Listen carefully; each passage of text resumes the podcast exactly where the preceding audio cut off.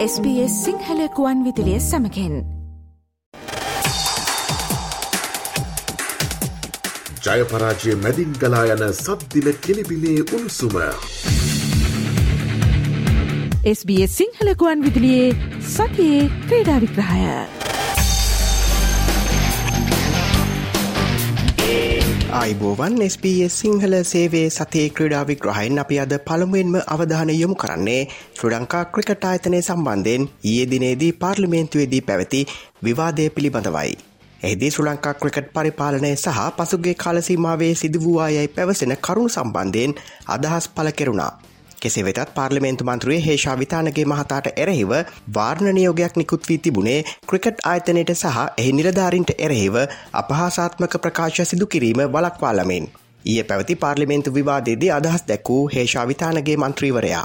මේ විවාදය මේ ක්‍රිකට් ක්‍රීඩාවේ තියෙන ඇක්ට්‍රම්ගිතාවල තියෙන හයිය නිසා. මේක මහාවිශාල ආදායම් මාර්ගයක් වෙච්ච නිසා තම තමන්ට අවශ්‍ය විදියට තම තමන් දේශපාලනච්චයන් පවා මේක තමන්ගේ ගොඩට දාගන්න උත්සාහ කර. මටත් මේක එක එක බලපෑම් මන ඊය පෙරීදා කැනඩා වෙසෙන පුද්ජලෙක් කතා කරලා තර්ජනයක් කර මං ඒක සොඳුරු තර්ජනයක් විදිර ගන්න. තව විවිධාකාරයේ මේක නතර කරන්න බලපෑම්මාවේ සියල්ලු වෙනුවේ දෙයා වෙනුවෙන් කියනවා මංමගේ යුතුකම් කොටස ඉටු කරනවා. මෙහිදී අදහස් දැක්වූ අනුරුකුමාර දිසානායක මන්ත්‍රීවරයා. ටීටවෙන්ටි කුසලානය සඳහා ඕස්ට්‍රේලියාවේ සංචාරය පිළිබඳ විගණනීම සමස්ත පාලක මණ්ඩල විගණන නෙමි. එත සංචාරක විගණනය මෙහෙමනම් සමස්ත පාලක මණ්ඩලේ ක්‍රියාකාරිත්ව විගණනය කොහොමවේ සබ නාස්තිකාර ක්‍රිකට් ආයතනය මුදල් තමන්ගේ පෞද්ගලික කැත්ත මජ්ජර සුකවියරණ වෙනුවෙන්. වැය කරලා තිබෙන හෝටල් වියදම් මදන්න කාන්තාවට වියදම් කරන්න කියලා මම දන්නේ නැහැ. මේක ශ්‍රී ලංකාවේ ක්‍රිකට් ඕන ජයන්ත ඇන් සම්මි ක්‍රිකට් කළ ක්ලබ් එකක් දාගන්න කියලා. අපේ ක්‍රිකට් කීඩාව කාලාන්තරයක් තිස්සේ ගැන් එකක් අතේ තියෙන්නේ. අපි ක්‍රිකට් ආයතනය සඳහා මේ ගැන්සිපත් වෙන එක වළැක්වීම සඳහා නීති සම්පාදනය කරන්න ඕන. ගොඩක් කැමතිවරු යටත් වෙනවා, ටිකක් කැමතිවරු හැප්පෙනවා. තමුන්නාසේ යටත් වෙන්නෙත් නැහැ, හැප්පෙන්නෙත් නැහැ පතෝල වගේ. හරිද? ඔක තමයි තමුන්නා. ICC එකට ලියන්න. මේ එහෙම ICC එක මේ අපිව මරාගෙන කන්නින දඩබල්ලෙක් නෙමෙයි. පාර්ලිමේන්තු මන්ත්‍රී ප්‍රසන්න රණතුංග මහතා මෙසේ අදහස් දක්වා සිටියා. ලෝක කුසලානය තමයි අපිට ක්‍රිකට් වලට වෙච්ච ලොකුම හෙනේ. ලොකුම හෙනේ. ඒකෙන් ප්‍රසිද්ධියක් ලැබුණ බව ඇත්ත. හැබැයි ක්‍රිකට් ලෝක කුසලානෙන් පස්සේ ලංකාවට ක්‍රිකට් වලට සල්ලි එනකොට මේකට පෙරේතකාරයෝ ගොඩ දෙනෙක් එක්ක වුණා. ඇත්ත කතාව ඕක. මේ කොයි ඇමති ආවත් මුනි ඌ අල්ල ගන්නවා ක්‍රිකට් පාලක මන්. ඇත්ත කතාව ඕක. හැබැයි මම දන්නේ රොෂාදාන්සික මැතිතුමාට ඒක කරගන්න බැරි වුණා. ඇමතිතුමාට කියන්නේ බොහෝ දෙනෙක්ගේ අදහස් ඉදිරිපත් වුණා. කතා කරන් ICC එකට කතා කරන් අධිකරණ ඇමතිතුමාව මැදිහත් කරගන්න. විදේශ කටයුතු ඇමතිතුමාව මැදිහත් කරගන්න. ක්‍රීඩා ඇමතිතුමා මැදිහත් වෙලා ICC එකත් එක්ක කතා කරලා කටයුතු කරන්න පුළුවන්. හිටපු ක්‍රීඩා මාත්‍ය SP දිසානායක මහතාද මෙම විවාදයට එක් වී සිටියා.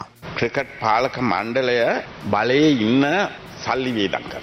දිස්ත්‍රික් වල තියෙන නාමික ක්‍රීඩා සමාජවලට සල්ලි දෙනවා පඩිගෙවනවා ඒ විතරක් නෙවෙයි ආණ්ඩු පක්ෂයේ දේශපාලඥයෝ අල්ල ගන්නත් සල්ලි දෙනවා. ඒ විතරක් නෙවෙයි විපක්ෂයේ දේශපාලඥයෝ අල්ල ගන්නත් සල්ලි දෙනවා. ඒ වගේම සල්ලි හොරකම් කරනවා.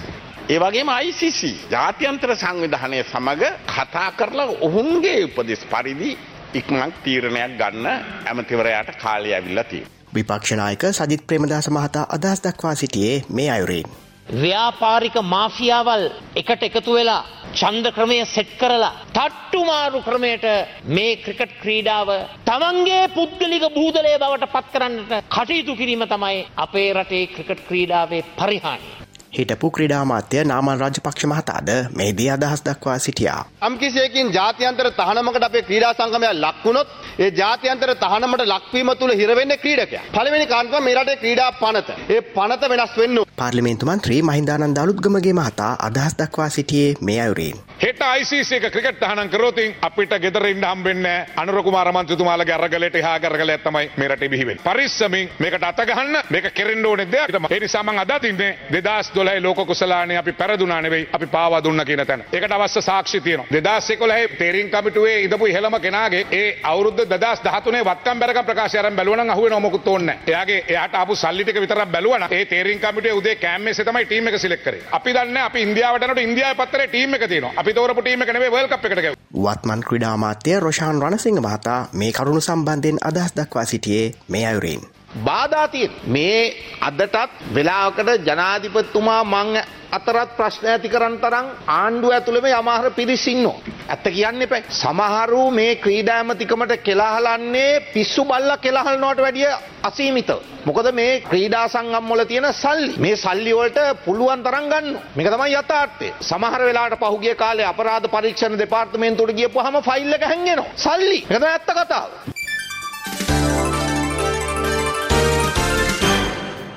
සිව්වනවරට පැවති එල්පියල් තරඟාවලියේ ශුරතාව හිමිකරගන්නට මහනුවර කණ්ඩායම සමත් වනා.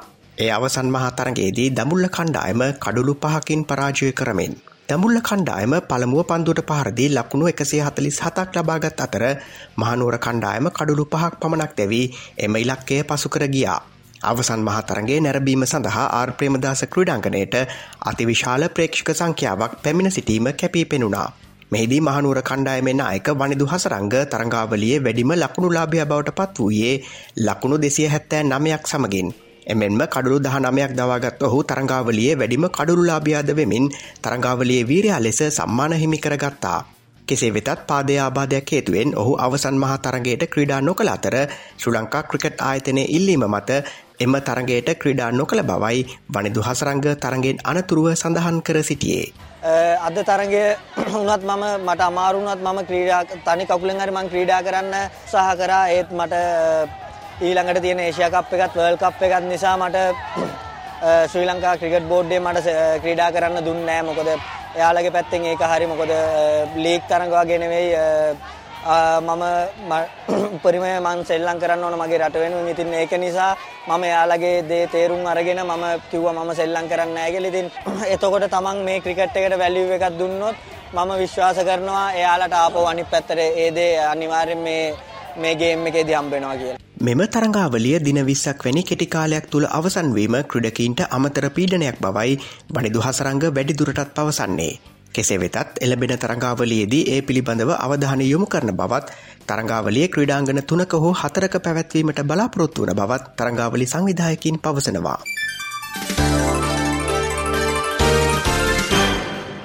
එක්දින ජාත්‍යන්තර තරඟ තුනකට සහ T20 තරඟ තුනකට සහභාගිවීම සඳහා ශ්‍ර ලංකා කාන්තා ක්‍රිකට් පිළ පසුගේදා එංගලන්තේ බලා පිටත්ව ගියා. චමරි අතපත්තු නායකත්වය දරන ශ්‍ර ලංකා කණ්ඩායමට ක්‍රඩිකාවන් දහසේ දෙනෙකු ඇතුළත් වනවා. දෙරට අතර පළමු T20 තරගේ අගෝස්තු 31 වනදා පැවැත්වෙන අතර දෙවන T20 තරගය සැප්තැම්බර් දෙවනදා පැවැත්වෙනවා. තුන්වන තරගේ පැවැත්වෙන්නේ සැප්තැම්බර් 6 වනදායි. ඉන් අනතුරුව එක්දින තරඟාවලිය සැප්තැම්බර් 9 වනදා ආරම්භ වන අතර සැප්තැම්බර් 12 සහ 14 යන දෙදින තුල අනෙක් තරග දෙක පැවැත්වීමට නියමිතයි. තරංගාවලිය පිළිබඳව මාධ්‍යයට අදහස් දක්වා සිටි නායිකා චමරි අතපත්තු. ඉතින් මගේ බලාපොරොත්තුව තමයි අපිට මුලින්ම තියෙන්නේ 20 විස තරංගාවලිය. ඉතින් 20 විස තරංගාවලිය පළවෙනි තරඟය හොඳින් ක්‍රීඩා කරන එක තමයි මගේ බලාපොරොත්තුව. අපි බලමු අපිට මේ තරංගාවලිය මොන වගේ ස්ථානයක අවසන් කරන්න පුළුවන් වෙයිද කියලා මම ලොකු විශ්වාසයක් තියෙනවා. අපිට මේ මේ ඉතිහාසය වෙනස් කරන්න පුළුවන් වෙයි කියලා මේ තරඟ සංචාරේ.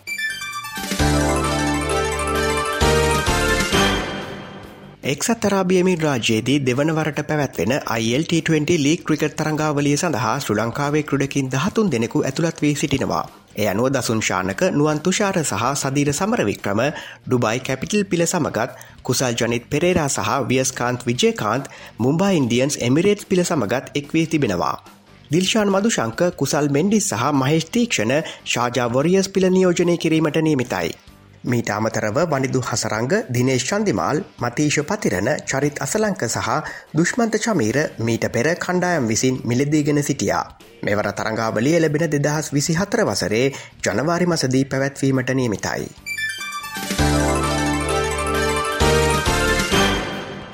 SBS සිංහල සේවේ සතිය ක්‍රඩාවිග්‍රායෙන් අපි දැන් අවධානයොම් කරන්නේ ඔස්ට්‍රලයානු ක්‍රඩා පිටිය වෙතයි. ඔස්ට්‍රලයානු ක්‍රිකට් පිළේ දකුණු අප්‍රිකානු තරඟ සංචාරය එලවෙන අගෝස්තු තිස් වනදා සිට ආරම්භ වනවා. එහිදී T20 තරඟ තුනක් සහ එක්දින තරඟ පහක් පැවැත්වීමට නීමිතයි.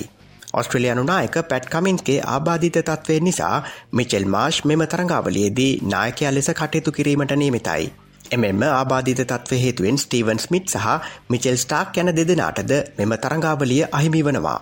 කෙසේ වෙතත් ඉන් අනතුරුව ඉන්දියාවේදී පැවැත්වෙන එක්දින තරංගාවලිය සිට ඔවුන් නැවතත් කණ්ඩායමට එක්වීමට නියමිතයි. ක්‍රිකට ඔස්ට්‍රලියයා ආයතනය පවසන්නේ ලෝක කුසලාන ක්‍රිකත් තරංගාවලියේ පුහුණුවීම් තරඟ ආරම්භ වන විට මෙම ක්‍රඩකින් තිදෙනා පූර්ණ සුවේ ලබනු ඇති බවයි.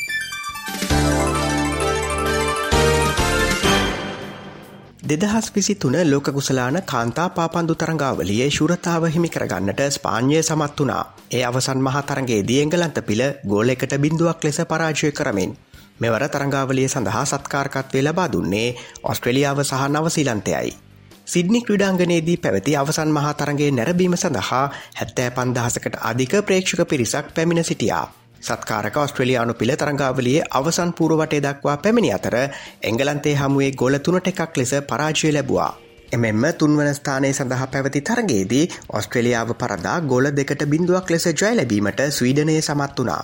එය අනුව ඔස්ට්‍රලියාවට හිමි වුණේ තරංගාවලියේ සිව්වන ස්ථානයයි.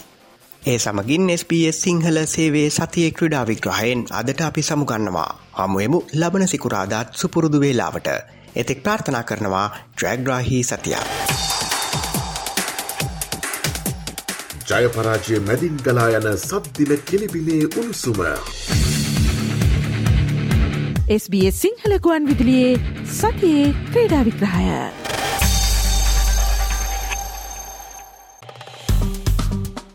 ලයි කරන්න ෂයා කරන්න අදහස් ප්‍රකාශ කරන්න SBS සිංහල ෆස්බුක් පිටුව ෆලෝ කරන්න.